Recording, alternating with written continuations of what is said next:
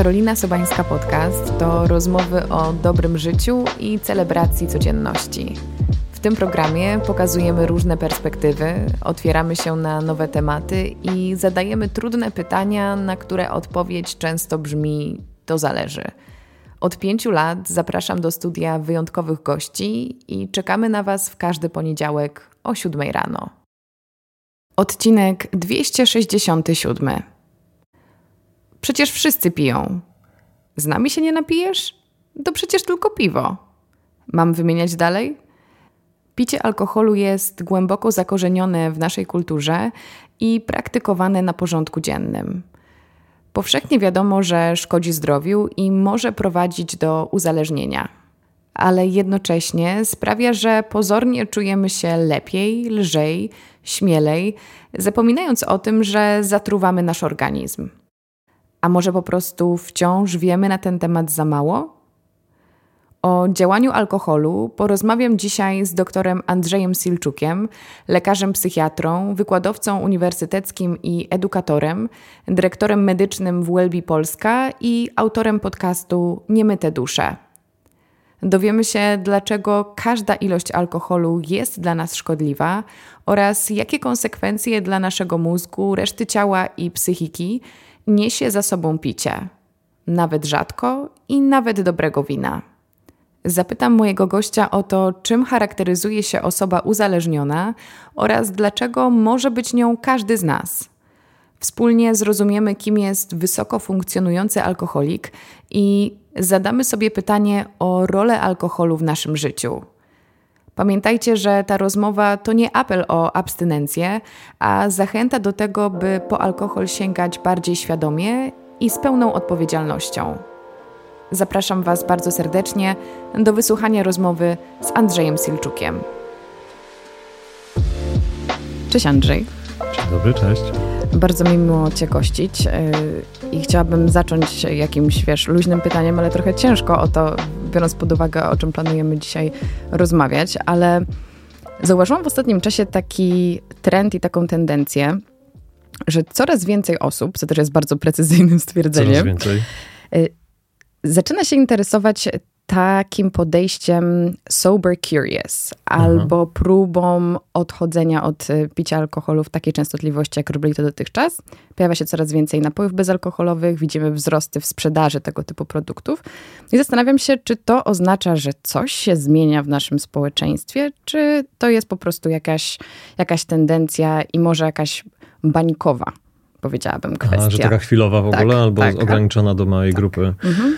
Myślę, że to jest fantastyczna e, sytuacja, bo e, z jednej strony jest ten Sober October albo Dry January, czyli dwa miesiące w roku, którym w jakimś stopniu można dedykować trochę właśnie w bańkach trzeźwość, mm, trzeźwy mm, październik czy, czy, czy styczeń na sucho, jakkolwiek by nie, nie patrzeć na ten, na ten pomysł, to mm, dla niektórych osób to jest w ogóle w, w życiu dorosłym pierwsza okazja do tego, żeby zobaczyć, jak to jest. Mhm. Na czym to polega? W ogóle, jak to jest funkcjonować zupełnie bez alkoholu?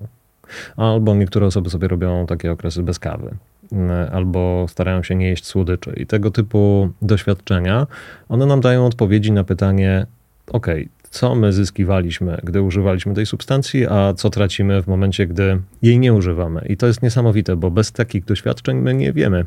Funkcjonujemy w takim świecie, w którym jesteśmy dosyć mocno otwarci na używanie i jest to jakimś elementem, w cudzysłowie oczywiście, codzienności.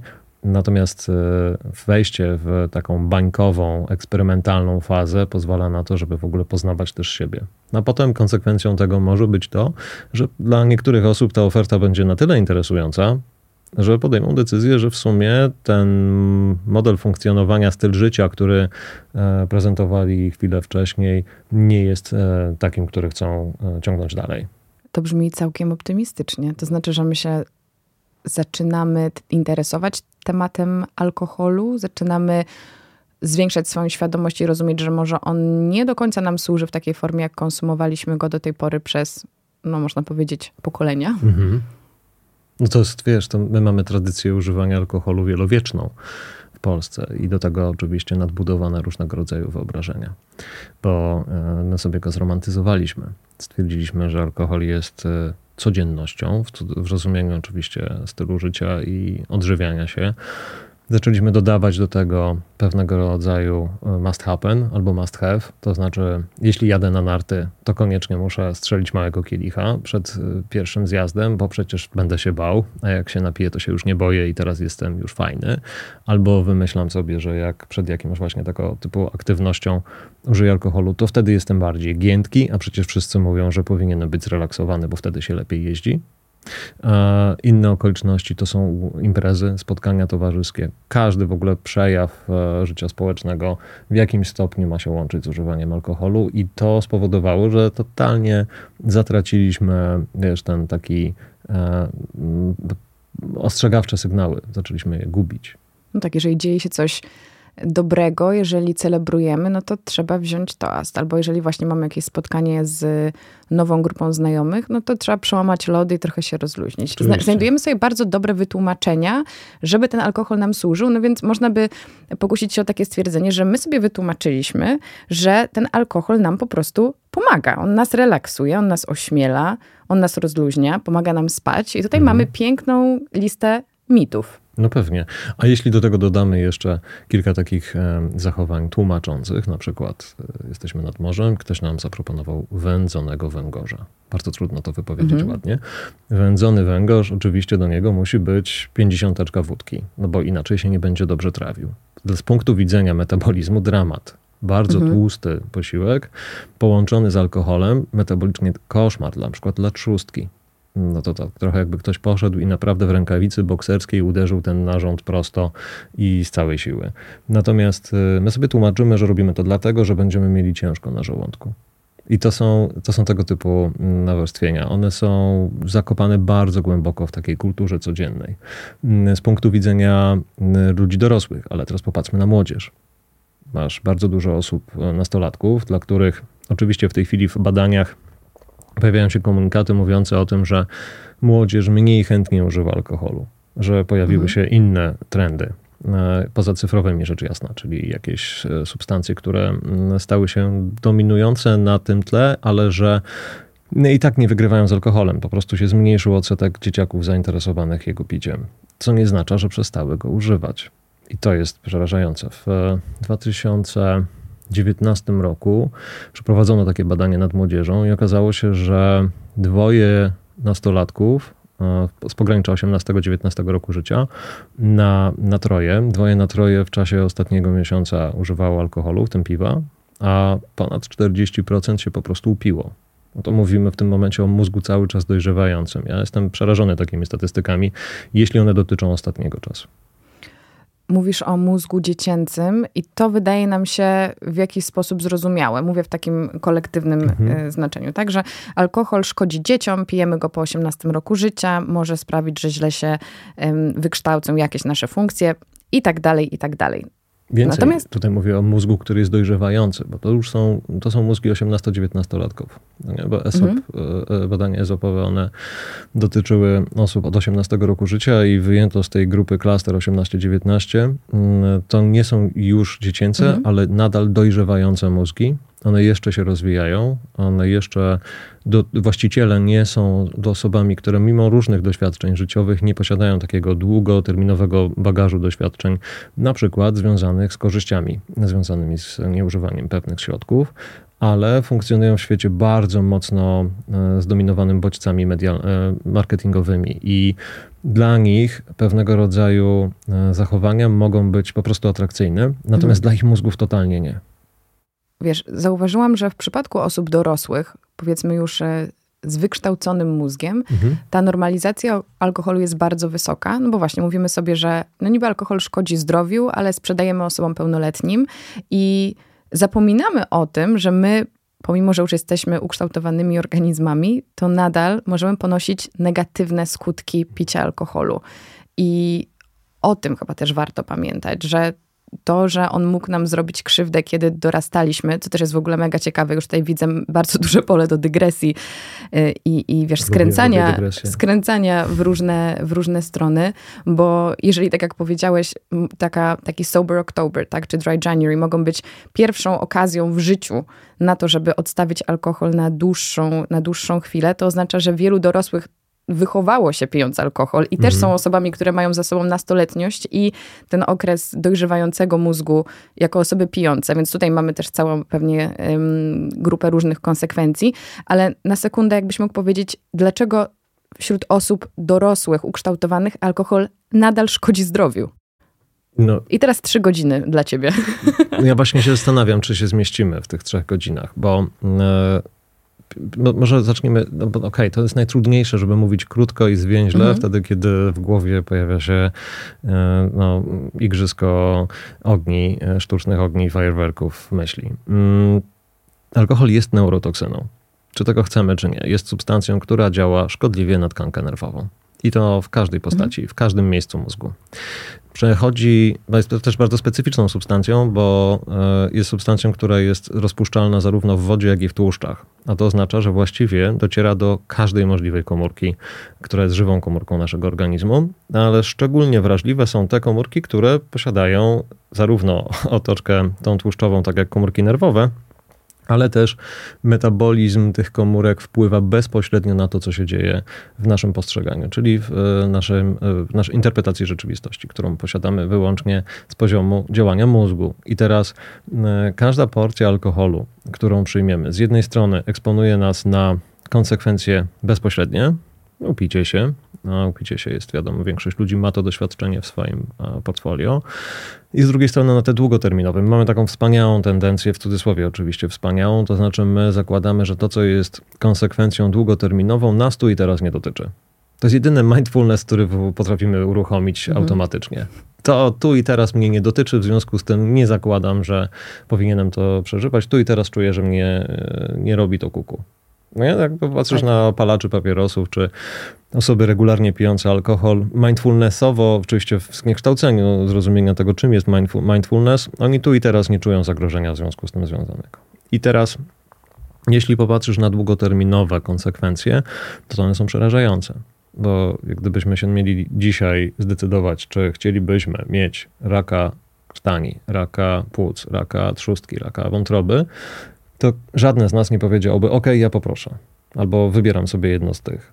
Natomiast zakładamy, że mm, to się nie wydarzy, no i skupiamy się na tych bieżących konsekwencjach. Ta, ten wpływ alkoholu na postrzeganie rzeczywistości odhamowanie z jednej strony związane z odpuszczeniem na przykład napięć, lęku, zwiększenie trochę impulsywnych działań, bo przecież nie mamy tego hamulca, który wcześniej sobie włączaliśmy, na przykład z powodu obaw. Mm, my, my trochę to romantyzujemy, bo zaczynamy dostrzegać, że pod wpływem alkoholu w grupie ludzi czujemy się bardziej otwarci bardziej zadowoleni, mhm. bardziej pewni siebie. Oczywiście jest to też podwójne zniekształcenie, bo my z jednej strony widzimy otoczenie, które, na, które mamy, jako mniej zagrażające, ale z drugiej strony też nasze zachowania wydają nam się bardziej akceptowane, czyli podwójne zniekształcenie, mhm. dwukierunkowe. No najprostszym przykładem jest e, dla większości z Was byłoby przypomnienie sobie sytuacji, w której uczestniczyliście w jakimś e, spotkaniu z ludźmi, gdzie byliście pod wpływem alkoholu i wydawało się, że to była świetna impreza i przeniesienie się do sytuacji, w której też każdy z nas ma takie doświadczenie, bycie w grupie ludzi, którzy piją alkohol i bycie jedną z nielicznych trzeźwych. I obserwowanie tych samych osób, które zna się z imprezy, gdy się samemu piło alkohol, i tych samych osób, kiedy się tego alkoholu nie pije, i postrzeganie tych dyskusji z tych dwóch perspektyw gdy się jest włączonym w tą grupę, to wydaje się, że to jest świetne, fajne, to płynie, tu jest lekko, to są ciekawostki, to są mądrości. A jak się patrzy na to z perspektywy trzeźwej osoby, to naprawdę trochę żenada. No nie? To są po prostu głupoty. I to takie mówione bardzo, bardzo podniośle, ale de facto niespecjalnie wnoszące jakąkolwiek treść. I to, są, to pokazuje tak naprawdę, jak, jak mocno my wchodzimy w zniekształconą rzeczywistość. Dla osób dorosłych używanie alkoholu wiąże się z e, licznymi konsekwencjami, już nie tylko mózgowymi, bo e, wiąże się z wpływem na metabolizm. Jeszcze wracając do mózgu, jak doskonale pewnie wiesz, że wpływ alkoholu na mózg e, amortyzuje się przez kolejne 6 tygodni. Czyli po użyciu jednorazowej porcji alkoholu my temu mózgowi zrobiliśmy kuku do no, takiej rekonwalescencji tkankowej, która trwa prawie półtora miesiąca. Mm, większość ludzi które regularnie używają alkoholu nie pozwalają sobie na to, żeby e, doprowadzić do tego powrotu do stabilizacji, tylko w międzyczasie mają kolejne epizody używania, czyli formalnie narażają się przewlekle na, na tą ekspozycję, a pozamózgowe konsekwencje, no to na przykład wpływ na metabolizm, bo Większość z nas słyszało o kaloryczności alkoholu i wie o tym, że jeśli ktoś regularnie pije alkohol, to prawdopodobnie będzie mieć problemy z metabolizmem, z lekką nadwagą, tego typu trudnościami. Ale to nie sama kaloryczność alkoholu ma tutaj znaczenie, tylko jego indeks glikemiczny. Sam alkohol ma naprawdę kolosalne znaczenie e, zmieniające metabolizm insulino-regulowanej trzustkowej, metabolizmu glukozowego. I to powoduje, że e, jeśli połączymy ten alkohol z tłustym, słodkim, najczęściej nadmiarowym jedzeniem, no to my sobie robimy wtedy ogromną krzywdę dla naszego metabolizmu, regularnego odżywiania się i późniejszych konsekwencji. Otwieramy się w ogóle na całą masę takich, wiesz, dopaminoregulowanych potrzeb. Podałeś e, ten bardzo ciekawy przykład obserwowania znajomych na imprezie, kiedy jest się trzeźwym, ale myślę sobie, że ten element społeczny alkoholu mhm. może być dla nas właśnie największym wyzwaniem, bo nawet jeśli my poobserwujemy nasze otoczenie z perspektywy osoby niepijącej, to przed nami jest trudny wybór, bo jeżeli my w tym momencie decydujemy się zrezygnować z picia alkoholu, w jakiś sposób jesteśmy wykluczeni z dosyć ważnej części właśnie celebrowania czy spędzania czasu. I niejednokrotnie taka droga trzeźwości jest drogą dosyć samotną. I, i zapewne jest wiele osób, które rozważają to, żeby alkohol e, ograniczyć czy, czy odstawić, ale właśnie tutaj mamy też ten czynnik, e, gdzie ktoś z rodziny czy z bliskich oferuje ci mm, jakiegoś drinka czy wino, cokolwiek by to nie było. I wypada się napić. Słyszymy, słyszymy tak, tak. komentarze, tak. że no, no, no z nami się nie napijesz, albo niekulturalnie jest odmówić, no co ty, jakby to jest, nie wiem, domowa nalewka i cała seria różnych no takich tekstów, które słyszymy i które też pojawiają się w naszej głowie, no bo przecież wszyscy piją, no to jak wybić się z, z tego schematu? Więc zastanawiam się, czy po prostu my społecznie nie potrzebujemy w ogóle przedefiniowania tego, jaką rolę pełni alkohol, bo osoby takie jak ty i popularyzatorzy wiedzy i nauki mówią nam jasno, albo alkohol jest zły. On mhm. zawsze nam szkodzi. I nie ma żadnych argumentów, żeby to skontrować. Po prostu to jest fakt, a my nadal gramy w tę samą grę i opowiadamy sobie tę samą historię. Wiesz, no, my w ogóle jesteśmy takimi stworzeniami, które bardzo selektywnie dobierają źródła bo zarówno Twoja praca, jak i moja popularyzatorska, edukatorska, mm, influencerska, czy w jakimś stopniu wręcz no, kształtująca mm, światopogląd, to to jest zarezerwowana dla tych osób, które z jakiegoś powodu postanowiły zapoznać się z tymi treściami. Jeśli ktoś będzie szukał informacji na temat tego, że alkohol jest cacy, to sobie znajdzie to zobaczy publikacje nawet z tytułami profesorskimi, e, artykułów, wywiadów osób, które będą piały na temat tego, że to jest świetna substancja, poprawiająca funkcjonowanie, wręcz e, przeciw... Przerażasz mnie. No, no poważnie, no, widziałem artykuły, w których mm, można było poczytać o tym, że przeczytać sobie informacje na temat tego, że alkohol jest korzystny dla serca albo że reguluje ciśnienie. No bzdury, jedna nad drugą. Natomiast źródło takie jest od razu nawozem dla pewnej grupy funkcjonującej w swojej bańce osób, które stwierdzą, no tak, ja to przeczytałem, ja wiem, ja robię coś dobrego. Na przykład pojawi się komunikat dotyczący, mm, jak ktoś już nie ma argumentów, to sobie wyciąga Francję i mówi, że we Francji pije się wina, je dużo francuskich serów, a jest tak dużo szczupłych osób świetnie funkcjonujących. No, Jasne, z jednej strony można na to w ten sposób popatrzeć, ale też spotkałem się z komunikatami, które brzmiały, ale we Francji jest trochę inna kultura używania alkoholu i rzeczywiście to wino, które tam się pije, jest lepszej jakości niż gdzieś indziej. No okej, okay, ale to też jest stereotyp. Dlaczego? Dlatego, że my romantyzujemy pewne wizje. Wyobrażamy sobie, że taki Francuz z pięknym kaszkiecikiem, e, szczuplutki, siedzący wspaniale ubrany w, w, pięknym otoczeniu, z tyłu ma jakąś winnicę, pije tylko bardzo dobre wino, które pewnie w Polsce kosztowałoby bardzo dużo pieniędzy, ale on je sam sobie wyprodukował. Do tego je fantastyczny ser, a z tyłu biegają mm, owieczki i jest w ogóle sielanka. Problem w tym, że to jest klaster mówiący o pewnym modelu funkcjonowania, ale dotyczący pewnej grupy ludzi.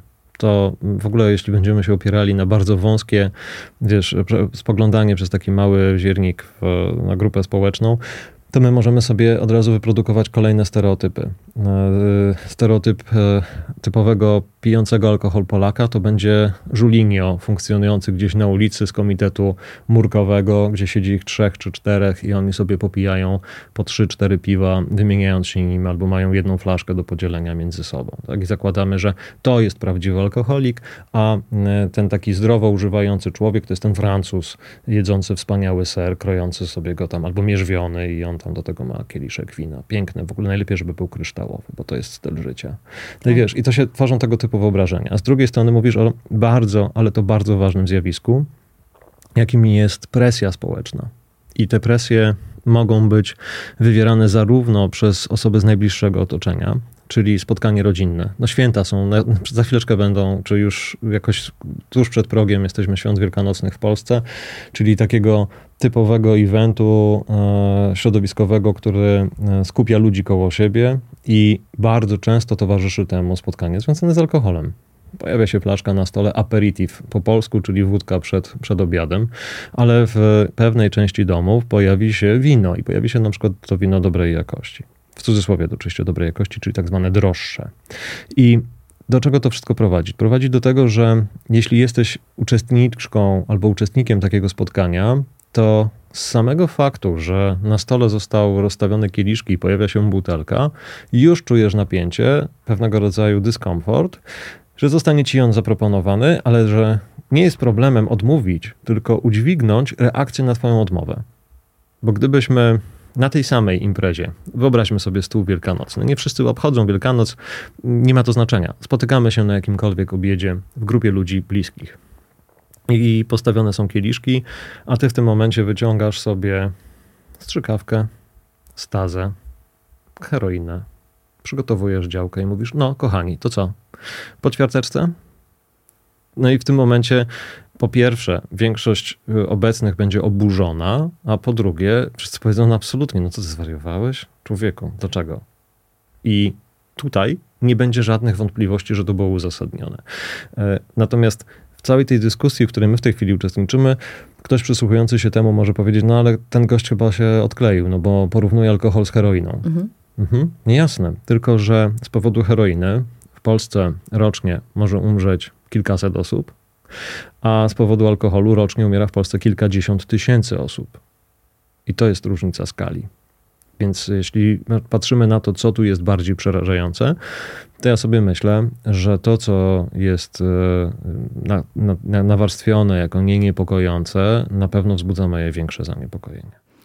Bardzo mi się podoba to, że nawiązałeś do, do heroiny, bo ja wielokrotnie obserwując zjawisko picia w naszym kraju, wyobrażam sobie właśnie analogiczną sytuację, tylko że z papierosami. Coś mhm. może no właśnie, ale znowu, chciałam powiedzieć mniej szkodliwego, ale to zależy też od skali i pewnie liczby, e, jeśli chodzi o, o konsekwencje dla zdrowia e, w przypadku osób palących, są znacznie wyższe niż, niż heroinistów w Polsce. No, Niemniej obserwuję ja też oczywiście u siebie w swoim gdzieś tam otoczeniu, no, że mm, coraz mniej osób jednak pali, młodych osób, a na pewno, jeżeli ktoś pali, to nie traktuje tego jako jakąś czynność e, prozdrowotną, mhm. rozrywkową, pozytywną, tylko jest to z założenia palenie. Ono, wszyscy wiemy, że ono jest złe, tylko mhm. niektóre osoby się na to decydują e, mniej lub bardziej świadomie e, i, i, i rzeczywiście palą papierosy, ale dlaczego to samo nie może stać się z alkoholem? Że okej, okay, jakby sięgaj po ten alkohol, jeśli chcesz, ale w pełni świadomy tego, świadoma tego,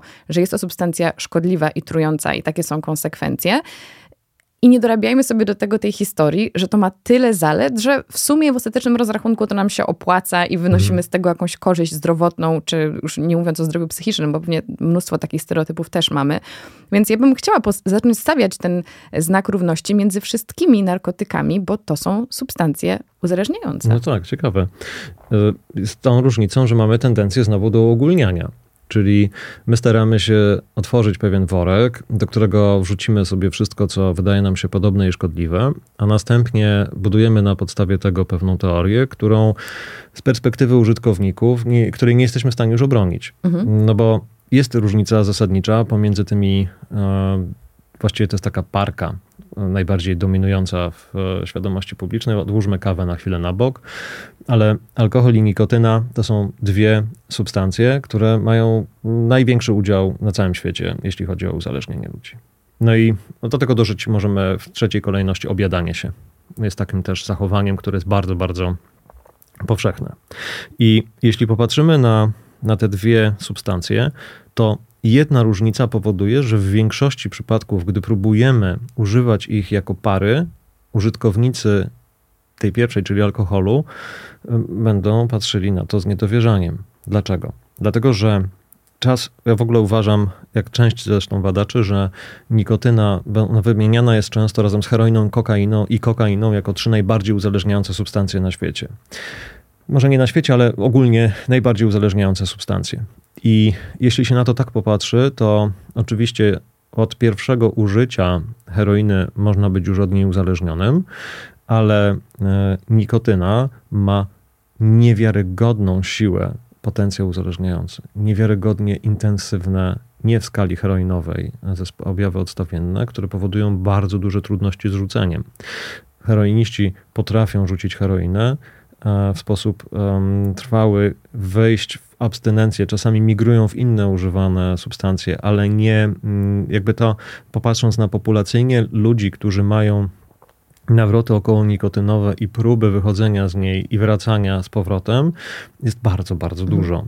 Wydaje mi się, że nikotyna może być postrzegana jako najbardziej uzależniająca substancja z tej całej trójki. I jeśli na to popatrzysz w ten sposób, to ten taki okres to się nazywa w ogóle saturacją efektu, czyli od momentu rozpoczęcia do czasu uzyskania pełni e, rozwiniętej pewnej cechy. O, czas po, pomiędzy pierwszym papierosem a uzależnieniem się od nikotyny, a czas od pierwszego użycia alkoholu do uzależnienia się od alkoholu jest dramatycznie różny. Mhm, to znaczy?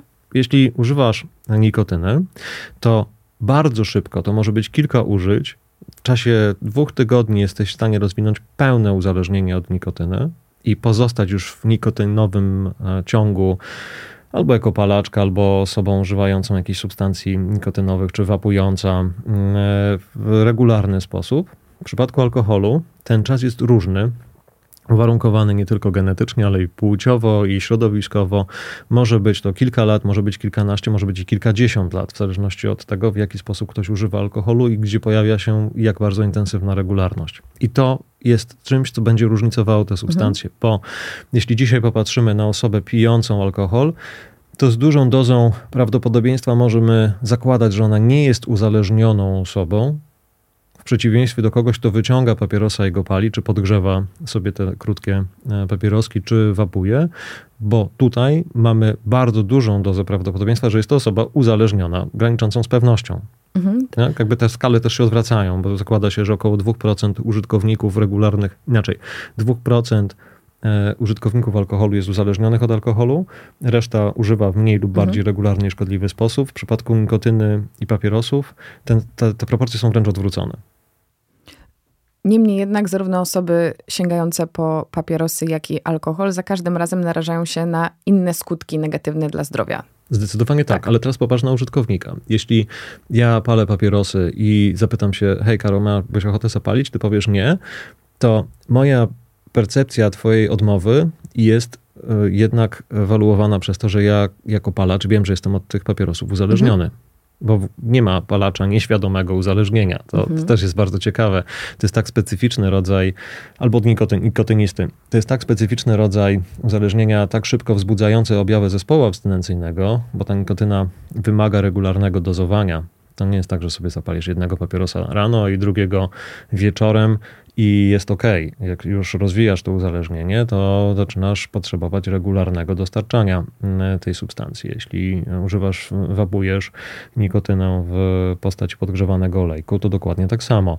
W związku z tym użytkownik nikotyny jest przekonany, jest, ma wgląd w swoje uzależnienie i wie o tym, no tak, nie chcę, fajnie, akceptuję to. To jest taka trochę lojalność osoby uzależnionej. To znaczy, jeśli jest się świadomym swojego uzależnienia, to raczej nie chciałoby się mhm. ludzi częstować tym uzależnieniem. Są specyficzne cechy osobowości osób, które mają wielką potrzebę uzależniania ludzi wokół siebie, ale je zostawmy jako bańkę na chwilę na boku. No I, a w przypadku alkoholu, to większość ludzi w ogóle nie ma takiego postrzegania siebie. Nie tylko dlatego, że nie są uzależnione, ale pośród osób uzależnionych, poprzez cały ten rozbudowany mechanizm iluzji i zaprzeczeń, ani siebie nie postrzegają, mimo tego, że spełniają kryteria uzależnienia, ponoszą szkody e, nie tylko indywidualne, ale też przenoszą się te szkody na ich otoczenie.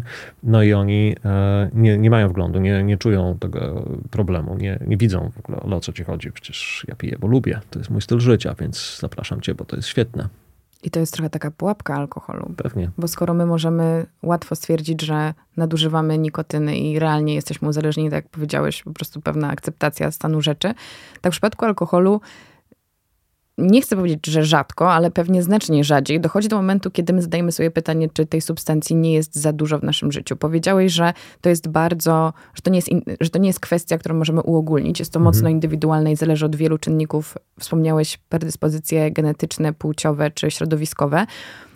I to sprawia, że ten alkohol nam się trochę wymyka spod kontroli, nawet bardzo. Mhm. Y, czy możemy powiedzieć o sytuacjach, w których pewnie na podstawie samoobserwacji, bo nie sądzę, żeby otoczenie mogło na tyle ocenić to, jak, jak wygląda nasza relacja z alkoholem, kiedy my zaczynamy mówić o uzależnieniu, czy też to jest tak, że kiedy już się uzależnimy, to jesteśmy uzależnieni, czy to jest proces, który trwa i my możemy po prostu to obserwować i z tego wyjść? Czy to już jest, wiesz, bilet trochę w jedną Aha, stronę? W stronę. No, sama definicja uzależnienia jest e, terminem i mm, kategorią kliniczną. No, jeśli na nią w ten sposób popatrzymy, to posiada zdefiniowane kryteria i spełnienie tych kryteriów zero-jedynkowo kwalifikujecie to grupę osób uzależnionych lub jeszcze nie. I ja nie jestem fanem e, tego rozwiązania. Mhm. No, nie bycie fanem e, takich dwukategorialnych zdarzeń w świecie oznaczałoby, że jeśli dzisiaj 2% osób, bo to jest bardzo prosta znowu społeczna, społeczna perspektywa. Jeśli dzisiaj zadalibyśmy pytanie dowolnej grupie ludzi, którzy nie mają dostępu do statystyk, jak myślisz, ile osób w Polsce jest uzależnionych od alkoholu? No to ludzie mogą powiedzieć lekko, a 30%, 10%, 15%, 25%. I gdy usłyszą, że kryteria uzależnienia od alkoholu spełnia 2%, to mówią, o, tylko tyle? No to w ogóle nie luz. ma problemu. Luz. Co to jest? Jeden milion ludzi, nie? Mhm. O co wam chodzi? To jest, to, to w ogóle 2% to jest nic. No, Wręcz jeśli, sukces Jak ktoś ci powie, że ceny paliw wzros, zwiększyły się o 2%, a no dobra, to damy radę. Jak powie ci, że 25%, to zaczynasz myśleć, auć, to bardzo boli. Inflacja 2%? Spoko. 12%? Auć. Robi się niefajnie, nie? Jakby my mamy taką tendencję do tego, żeby na pewne zjawiska popatrzeć, jeśli tylko mamy okazję, trochę tak minimalizować to, to ryzyko. Natomiast jeśli do tego dorzucimy grupę ludzi, którzy używają danej substancji szkodliwie, czyli ponoszą szkody zdrowotne, ale one mogą dotyczyć zarówno ciała, jak i umysłu, no to te, te wartości znacząco rosną. Zrobi się 6-7%. Jeśli dorzucimy do tego osoby w otoczeniu, osoby, które mają bezpośredni kontakt, to jest takie akademickie pytanie, z iloma osobami regularnie masz kontakt w czasie jednego tygodnia? Taki regularny, codzienny kontakt. Największość ludzi powie, że dwie, trzy osoby to jest taki optimum to najczęściej osoby, z którymi się mieszka albo współpracuje jakoś regularnie. No to jeśli popatrzymy na tą, na tą bańkę, to nagle nam się okazuje, że, że mamy około 15-20% osób mhm. dotkniętych bezpośrednio przez używanie alkoholu, niezależnie przez kogo. No i to się w jakimś stopniu zaczyna nakładać. No jeśli popatrzymy na to tak, to... Mm, to nie wzbudza to jakiegoś wielkiego, w cudzysłowie znowu, alarmującego zagrożenia, a z drugiej strony staje się gigantycznym problemem społecznym. I to niesie ze sobą konsekwentne, e, znaczy duże konsekwencje. Powiedziałeś chwilę temu o tym, że mamy wyobrażenie o osobach, które dobrze piją alkohol. On może być wręcz, tak sobie myślę, nobilitujący, jeżeli sięgamy po dobre wino, czy jakieś mhm. jakościowe trunki i jest wokół tego cała taka otoczka wizerunkowa, co jest no, kolejnym niebezpieczeństwem i, i jakąś pułapką. I z drugiej strony właśnie mamy wizję już nie osoby dobrze pijącej, tylko osoby, która jest uzależniona, alkoholika, e, degenerata, żula, osoby, która leży pod sklepem, Same nie stygmaty. ma pracy e, i, i po prostu już jakby jest wręcz wykluczona ze społeczeństwa. I czy to nie jest tak, że jak my słyszymy, że 2% Polaków jest uzależnionych, to mamy właśnie wizję takiej osoby, która, którą przed sekundą opisałam. I, I jeżeli tak jest, to jakie to może mieć negatywne konsekwencje, jeżeli trzymamy się właśnie tego stereotypu i tej stygmatyzacji alkoholika w naszym kraju? Każdy stereotyp ma negatywne konsekwencje. Każdy. Nawet te dotyczące pozytywnych zjawisk. Mhm. Bo my, jeśli przykleimy się do e, definicji jakiegoś zjawiska, które jest stereotypowe, to w jakim stopniu staramy się sobie zdefiniować świat i podporządkować później postrzeganie innych zjawisk poprzez pryzmat tego stereotypu.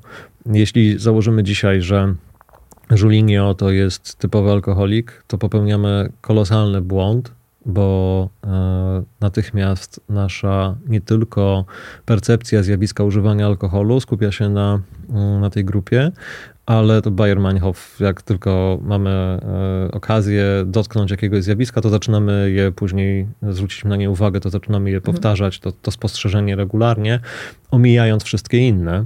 I wydaje nam się, że dokładnie tak to jest, że jeśli teraz rozmawiamy o osobach funkcjonujących gdzieś w okolicach ulic, pijących alkohol, to po tym naszym nagraniu prawdopodobnie spotkamy kilka, kilkanaście takich osób i zaczniemy myśleć, wow, no rzeczywiście w Polsce tak to wygląda. Ale rzeczywistość jest um, zgoła odmienna, bo to, co powiedziałaś na temat dobrych win, czyli jeśli ja piję wysokogatunkowe wina, piwa, e, tylko wódki premium albo whisky z górnej półki, no to skoro ja używam tak dobrej jakości, w cudzysłowie, alkoholi, to mnie krzywda się nie może stać, bo albo stanie się później, czyli znowu odraczamy. Wyobrażamy mhm. sobie, że coś, co jest daleko. Włączamy nasz fałszywy mindfulness na chwilę. E, jesteśmy uważni tylko na tu i teraz, ale nie zakładamy, że konsekwencje są też tu i teraz. Tylko my w tej chwili staramy się żonglować nimi inaczej. I obok tego takiego zniekształconego e, obrazu osoby używającej alkoholu, która zdeteriorowała to jest bardzo fajne określenie opisujące deteriorację jest procesem stopniowego zapadania się we funkcjonowaniu społecznym i zdrowotnym. Czyli z jednej strony y, możemy popatrzeć na siebie jako na osoby, które z jakiejś strony dbają o wygląd, dbają o zdrowie, starają się funkcjonować e, w cudzysłowie zdrowo, pracować w miejscach lub pełnić zawody, które sprawiają satysfakcję, budować swoje najbliższe relacje, w tym społeczne, jakieś partnerskie życie, które będzie dla nas dobre, w cudzysłowie, i dokarmiające. A z drugiej strony możemy popatrzeć na osobę, która deteriorując poprzez używanie alkoholu po kolei stopniowo traci z każdego z tych zasobów i finansowych również. Na końcu dociera do tak e, bardzo ko, ko, pewne koszty, które ponosi, doprowadzają do tego, że trafia gdzieś do takich miejsc e, życiowych, których albo mieszka na ulicy, albo e, skrajnie zaniedbana higienicznie, zdrowotnie, bezzębnie, z brudnymi włosami, funkcjonuje sobie od e, pożebrania lub y, sprzedania fantów, żeby kupić sobie małą porcję alkoholu gdzieś tam w tym swoim komitecie podobnych y, ziomek i ziomków y, i oni tam sobie gdzieś funkcjonują. Nie? Czyli dotknęli pewnego rodzaju, to się nazywało swego czasu, dotknęli bruku. Tylko, że ta grupa osób jest bańką. Oczywiście dużą, ale nie wyłączną. Obok tego jest bardzo dużo ludzi funkcjonujących w naszych bańkach, czyli w takiej typowej codzienności. I specyficznie w tej grupie znajduje się e, ukryta i moim zdaniem ona wymyka się statystykom podpopulacja osób używających alkoholu, które się uzależniło od alkoholu, ale noszą miano wysoko funkcjonujących. Wysoko funkcjonujące osoby używające alkoholu to jest mm, e, w pięknym opakowaniu dokładnie ta sama historia, z jedną różnicą. Jeśli popatrzymy na życie jako na e, taką ja mam tą gamifikacyjną wizję świata trochę. Mhm. E, to załóżmy, że jest taka sytuacja, w której siadasz do tej gry i posiadasz dosyć ograniczony, ale jednak swój kapitał. no to ta nierówność społeczna powoduje, że część osób dysponuje mniejszym, a część osób większym, a niektóre osoby znacząco większym kapitałem. I teraz ta, ten kapitał to nie są pieniądze. Ten kapitał to jest obciążenie genetyczne, które pozwala ci na przykład na dłuższe saturowanie efektu uzależnienia. Możesz wiele lat więcej używać alkoholu, zanim się uzależnić. Może to być, e, to mogą być predyspozycje biologiczne inne niż genetyczne, na przykład to, że twoje ciało jest bardziej odporne, albo masz więcej masy, tym masy tłuszczowej, która pozwala ci na wypijanie większych ilości alkoholu. E, płeć faworyzująca do tego, żeby znosić i radzić sobie z alkoholem lepiej, czyli płeć genetycznie męska jeśli e, popatrzysz na pozostałe części kapitału, czyli posiadanie zasobów społecznych, osób w Twoim otoczeniu, to już tutaj w cudzysłowie oczywiście najlepiej, gdyby to były osoby z doświadczeniami współzależnienia lub dorosłe dzieci alkoholików, czyli osoby, które w dużym stopniu będą stanowiły dla Ciebie pole do amortyzacji konsekwencji Twojego używania. No i oczywiście na końcu ta część finansowa. To, to wszystko składa się na to, że dysponując tak dużymi zasobami w stosunku do tej drugiej grupy, Twoje używanie alkoholu przyniesie skutki i skalę tych skutków zupełnie inną niż u osoby, która sobie na to w cudzysłowie pozwolić nie będzie mogła. Czyli e, Twoje, no, na przykład takim typowo wysoko funkcjonującym dzisiaj e, modelem jest e, wysoko funkcjonującego alkoholika, to jest taki człowiek pracujący w korporacji. Gdzieś tam liczono, że około 20% ludzi pracujących w firmach korporacyjnych używa regularnie alkoholu. To jest takie nie do końca precyzyjne, e, bo w ogóle łączono kiedyś używanie alkoholu z profesjami i taką najbardziej reprezentatywną grupą e, użytkowników alkoholu to są artyści, twórcy, trochę my teraz robiąc podcasty mieścimy się w tej grupie, mhm. ale pokazujemy, że ten trend można też odwracać. Mm, potem inne zawody wysoko wyspecjalizowane, około 10-12% też lekarze, e, prawnicy gdzieś tam na dole, ale mm, e, policjanci, służby mundurowe też mają dosyć dużą reprezentację w tych grupach, też kilkunastu około 10%, około 20% artystów i, e, i twórców. Natomiast te statystyki, one tylko w jakimś stopniu wpływają na nasze postrzeganie tych zjawisk. Jak popatrzymy na to, jakim dużym klasterem dzisiaj jawnym są wysoko funkcjonujący alkoholicy, tutaj nie ma polskich badań, europejskie też niespecjalnie w tej chwili jestem zacytować. W Stanach Zjednoczonych przeprowadzono badanie, tam jest mniejsza populacja odsetkowa osób zależnionych niż w Polsce. W Polsce mówi się o 2%, tam jest poniżej 2%, ale w tej populacji z zdiagnozowanym uzależnieniem od alkoholu w Stanach Zjednoczonych mówi się o 19 mniej więcej, niespełna 20% odsetku osób wysoko funkcjonujących. To połowa z nich pali papierosy, bo to też łączono, to są osoby właśnie funkcjonujące na konkretnych stanowiskach, e, osadzone w rzeczywistości. No i to, to sobie możemy popatrzeć na wysoko funkcjonującego alkoholika w ten sposób, że jeśli jest to człowiek, któremu, której lub któremu udało się osiągnąć pewną pozycję zawodową, jest na przykład kierownikiem, liderem, liderką, e, profesorką, profesorem w jakimś miejscu, to nagle się okazuje, że cała ta grupa otaczająca tą osobę akceptuje, że ta osoba na przykład raz na jakiś czas znika na 2-3 dni. Nie przychodzi mhm. do pracy, albo że się spóźnia o dwie godziny. No i nikt nie zwraca na to uwagi. I to oczywiście może być w piękny sposób zakamuflowane coś, gdzie zwykłemu naszemu żuliniowi, o którym rozmawialiśmy wcześniej, który dostał pracę regularną i spóźnił się o dwie godziny, już nie będzie takie łatwo wybaczalne i akceptowalne, więc on poniesie szybsze, wcześniejsze szkody w stosunku do tego człowieka, tej, tej profesor lub tej prezes lub tego profesora i tego prezesa funkcjonujących w swoich grupach. A czy nie jest tak, że osoby uzależnione też e, mają bardzo dużą zdolność do tego, żeby się wybronić z takich sytuacji, żeby obrócić tę sytuację tak, by zakamuflować mhm. to, że coś zostało zaniedbane. Pamiętam, spotkałam się już dawno, dawno temu, wiele lat temu z takim stwierdzeniem, że dana osoba nie ma problemu z alkoholem, dlatego że w cudzysłowie nie zawala, czyli właśnie dowozi i, i nie zaniedbuje swoich obowiązków na przeróżnych płaszczyznach. No właśnie, ale zapominamy, że ta zdolność do, to jest mocne słowo, ale jakieś tam manipulacji, czy opowiedzenia opowiedzenia odpowiedniej historii, y, do powiedzenia historii do tego, że, że coś jednak zaniedbaliśmy, jest cechą, którą osoby uzależnione często posiadają. Czy, Czy to się mieści w ogóle w psychopatologii mhm. uzależnień? No popatrz, wróćmy do tej samej sytuacji, w której e, my patrzymy na zniekształcenie pod wpływem alkoholu, postrzegania i tego, co nas otacza i tego, co my wnosimy do tego otoczenia. Dokładnie to samo robimy w różnych innych okolicznościach, bo jeśli znowu przyjmiemy stereotypowość e, w postrzeganiu osoby uzależnionej, że to jest osoba, która zawala, to mm, my rozmawiamy o pewnej fazie uzależnienia czyli takiej, w której ta utrata kontroli nad piciem spowodowała, że ta osoba rzeczywiście zaczyna nam już dosyć mocno de destabilizować się w swoim funkcjonowaniu społeczno-zawodowym, więc ludzie zaczynają dostrzegać, że potrafi zniknąć na dwa tygodnie, a po tych dwóch tygodniach na przykład wraca zaniedbany albo zarośnięty do pracy i, e, no i zaczynają gadać, oj, coś tutaj było hmm. chyba na rzeczy, coś się działo, pojawiają się plotki. Ale jest bardzo dużo sygnałów wcześniejszych, ostrzegających. To są imprezy firmowe albo spotkania rodzinne, gdzie mamy e, osobę taką wręcz e, brylującą z alkoholem, namawiającą, rozlewającą wino, polewającą kolejnym osobom, upijającą się jako pierwsza, albo utrzymującą to upicie na poziomie większym niż reszcie, reszta osób. To zawalanie nie jest e, objawem uzależnienia, ale może być jego konsekwencją.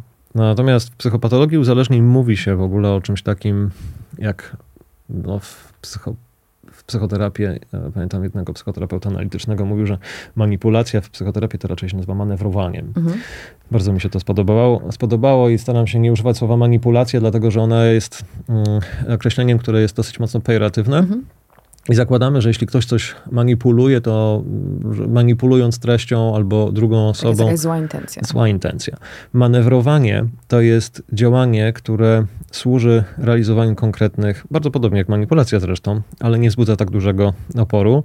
Jeśli ktoś ci powie, że manewrujesz treścią, to tak, można się nad tym trochę zastanowić inaczej, e, trochę przyjąć to łagodniej ma oczywiście skutkować tym, że ktoś zrealizuje naszą potrzebę.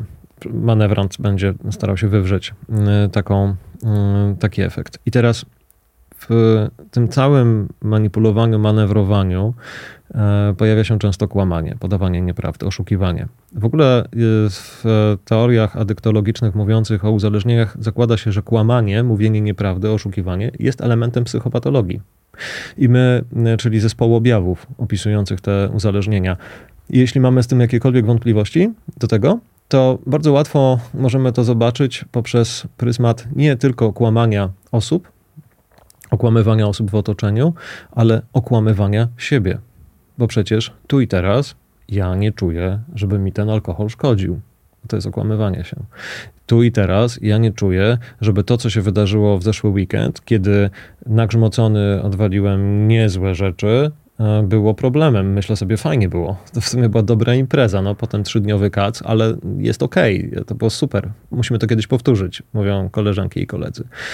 To oszukiwanie się służy temu, żeby e, później budować pewnego rodzaju dalsze zniekształcenia. I oczywiście zaprzeczać e, problemowi. I teraz, jeśli popatrzysz na te sytuacje, w których e, ktoś w otoczeniu mówi, że mm, e, ktoś nie jest uzależniony, bo nie zawala, to de facto używa tych samych platform zniekształceniowych i stereotypów, które służą temu, żeby stwierdzić w sumie, gdybym wiedział, że zawalasz, to nie mógłbym tego zignorować, co dostrzegłem do tej pory. Niesamowite. Mhm. No nie? To, to, mi też pomaga, bo tak. ja nie czuję się zobowiązany, żeby interweniować. Ej, stara, słuchaj, stary, y, wiesz, y, moja opinia jest taka, to używanie alkoholu, które robisz, ja wiem, że to mogę to zachować dla siebie, ale czuję wewnętrzną potrzebę podzielenia się z tobą. Mm, to jest ponad, ponad moją, moją tolerancją, to co robiłaś, nie?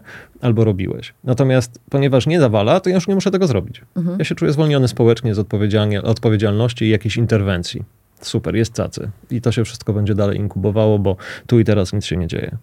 No właśnie, skoro dana osoba nie zawala, to jakie inne cechy, czy jakie inne zachowania mogą charakteryzować lub też charakteryzują osobę, którą nazywamy wysoce, czy wysoko funkcjonującym? Wysoko. wysoko funkcjonującym. Ale możemy sobie odmieniać jak tak. chcemy. No to wysoko, Wiadomo. czy też wysoce funkcjonującym alkoholikiem i to zarówno od strony kogoś postronnego, y, osoby z naszego otoczenia, czy też nas samych, o ile w ogóle w przypadku osób uzależnionych e, i wysoko funkcjonujących możemy tutaj mówić o, o samoobserwacji swojego uzależnienia. Więc co innego oprócz, oprócz, e, oprócz tego niezawalania lub zawalania?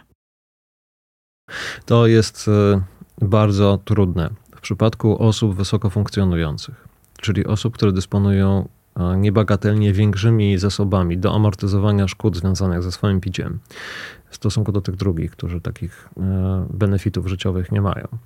To tutaj mamy do czynienia z osobami, które e, tak mocno ukrywają konsekwencje swojego picia, że to, co często bywa zimnym prysznicem, czyli e, komunikacja z zewnątrz, bliskie osoby mówiące, słuchaj, wiesz, naprawdę, to w ogóle jest jedno z pytań diagnostycznych, czy w twoim otoczeniu ktoś zwracał ci uwagę na to, że twoje picie jest zbyt duże, to to się nie wydarza tak łatwo. E, jeśli do tego się dołączy tą całą romantyzację, to że ja uprawiam zawód e, bardzo dużego stresu, w tym zawodzie oprócz tego, że muszę sobie jakoś radzić, mm, też mam spotkania na przykład biznesowe że na kolacjach biznesowych e, podaje się wino, bo pomaga to w łapaniu deali.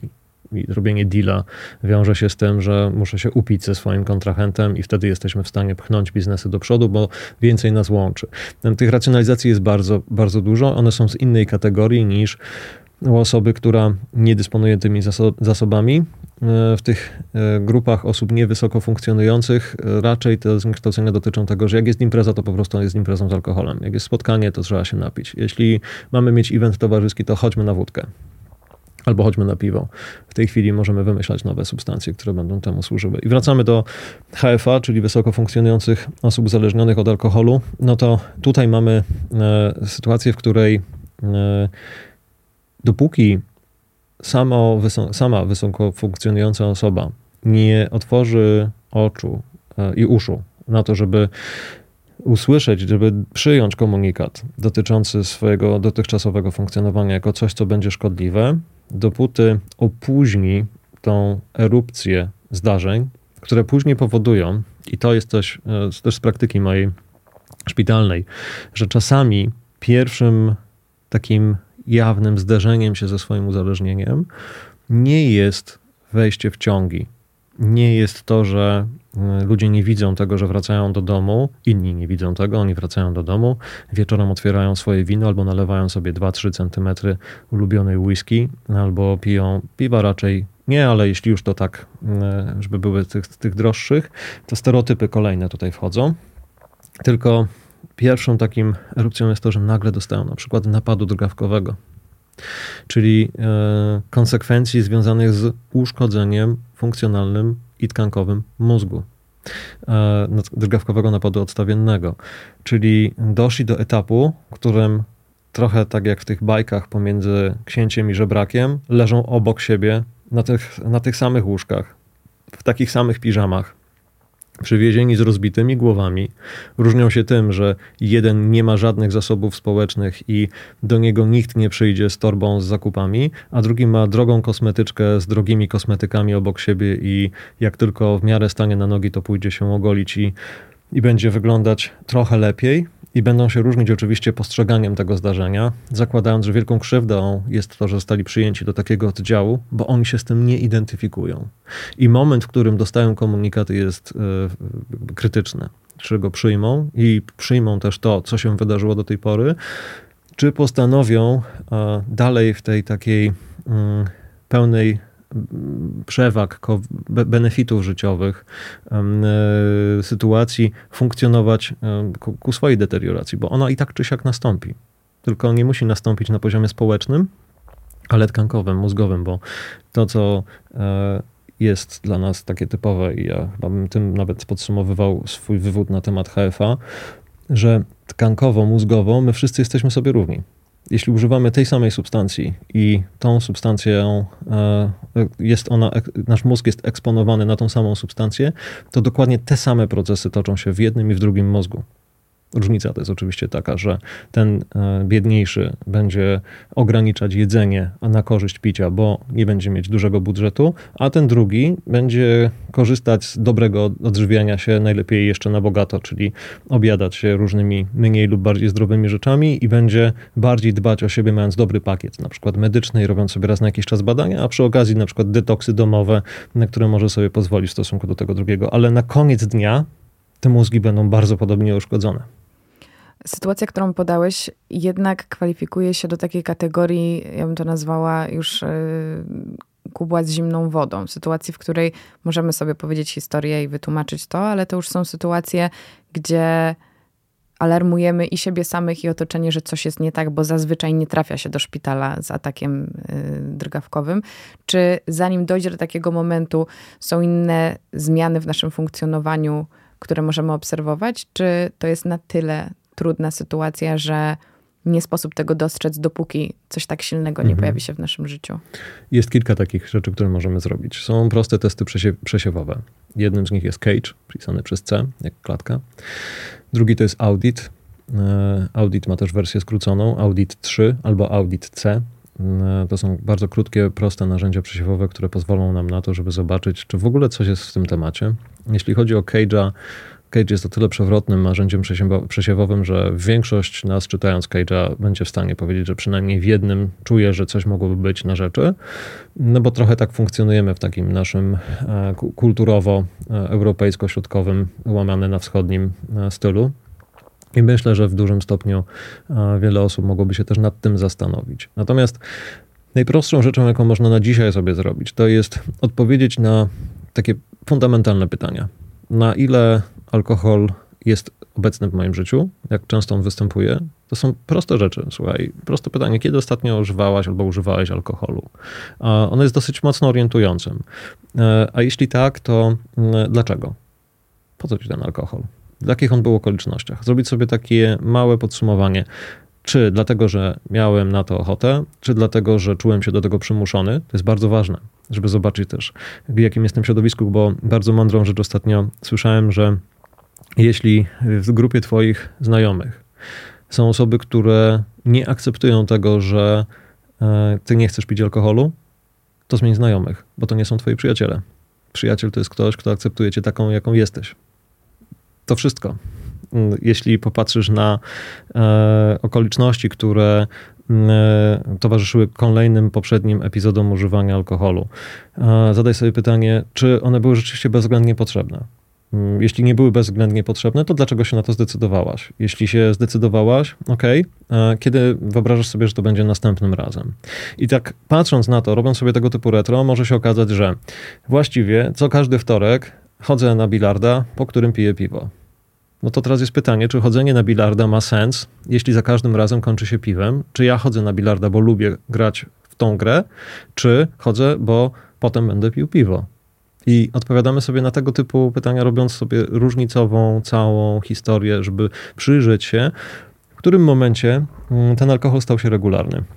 Jeśli dochodzimy do wspólnych wniosków, które mówią, e, wydaje mi się, że ten alkohol pojawia się regularnie, często, albo z taką częstotliwością, która nie jest mi potrzebna, to zastanówmy się, jak możemy to zmieniać. Bo patrząc na korzyści, które wynikają, w cudzysłowie oczywiście korzyści związane z użyciem samego alkoholu, bo Niewątpliwie część z nas bezpośrednio po jego użyciu może czuć jakąś korzyść, na przykład tu i teraz czuć się odprężonymi. Bo jest no tak, no mindfulness już wspomniałeś. No to, tak, ale oczywiście nie chciałbym, żeby ktokolwiek, kto uczy mindfulnessu, ja też uważam, że jest to jedna z bardziej szanowanych metod terapeutycznych Pewnie. i jeśli nie mielibyśmy mindfulnessu dzisiaj, to byłoby nam dużo, dużo trudniej w ogóle zorientować się w rzeczywistości. Ja tylko chcę pokazać, że ci, którzy najczęściej mówią, że to są bzdury, używają go na co dzień, tylko w zupełnie innych butach w zupełnie innym celu. E, wracając do do tego, co zrobić, jak sobie radzić z tymi sygnałami ostrzegawczymi, e, to zastanowić się nad jeszcze jedną rzeczą. O, to będzie ciekawe. Teraz to wymyśliłem, ale myślę, że to nie jest tak, że to wymyśliłem zupełnie, tylko gdzieś tam odtwórczo. Zastanów się, kiedy ostatnio używając alkoholu miałaś poczucie winy. I to jest e, super. Bo jeśli był taki moment, że po użyciu alkoholu czułaś albo czułeś poczucie winy, to po co ci to? Mamy tyle okazji, żeby się obwiniać i tyle okazji, żeby sobie dać z naszego impostor syndromu i autokrytyka wewnętrznego, który uogólnia, uogólnia się na wszystkie różne inne obszary, negatywne recenzje, to po co robić sobie dodatkowe rzeczy? Andrzej, może zostawimy naszych słuchaczy po prostu z tymi pytaniami na koniec. E, też e, nasz czas mija, ale możemy już powiedzieć, że to nie koniec naszego duetu, bo szykujemy część drugą tej rozmowy e, na nieco inne, ale nadal pokrewne tematy. Mhm. Ja Tobie bardzo dziękuję za tę godzinę wiedzy. Trudny temat, trudny w godzinę, ale bardzo się cieszę, że, że z Tobą. Także wielkie dzięki za to, że popularyzujesz wiedzę i zapraszam ponownie. Przyjemność po mojej stronie. Dziękuję. Do usłyszenia. Jeśli regularnie słuchasz tego podcastu, będzie mi bardzo miło, jeśli znajdziesz chwilę na wystawienie mu oceny. Wystarczy, że zostawisz wybraną liczbę gwiazdek, ale możesz także napisać kilka słów opinii. Zrób to w aplikacji, w której słuchasz mojego podcastu, czyli na Spotify lub iTunes. Jestem bardzo wdzięczna za ten mały gest, bo dzięki niemu mój podcast może dotrzeć do nowych osób. A jeśli masz ochotę na więcej, posłuchaj mojego nowego programu, czyli Myśl na dziś, który również jest dostępny na Spotify, iTunes i YouTube. Są to kilkuminutowe wypowiedzi gości mojego podcastu, które pomogą Ci lepiej zacząć dzień. Więcej informacji znajdziesz w opisie. Do usłyszenia.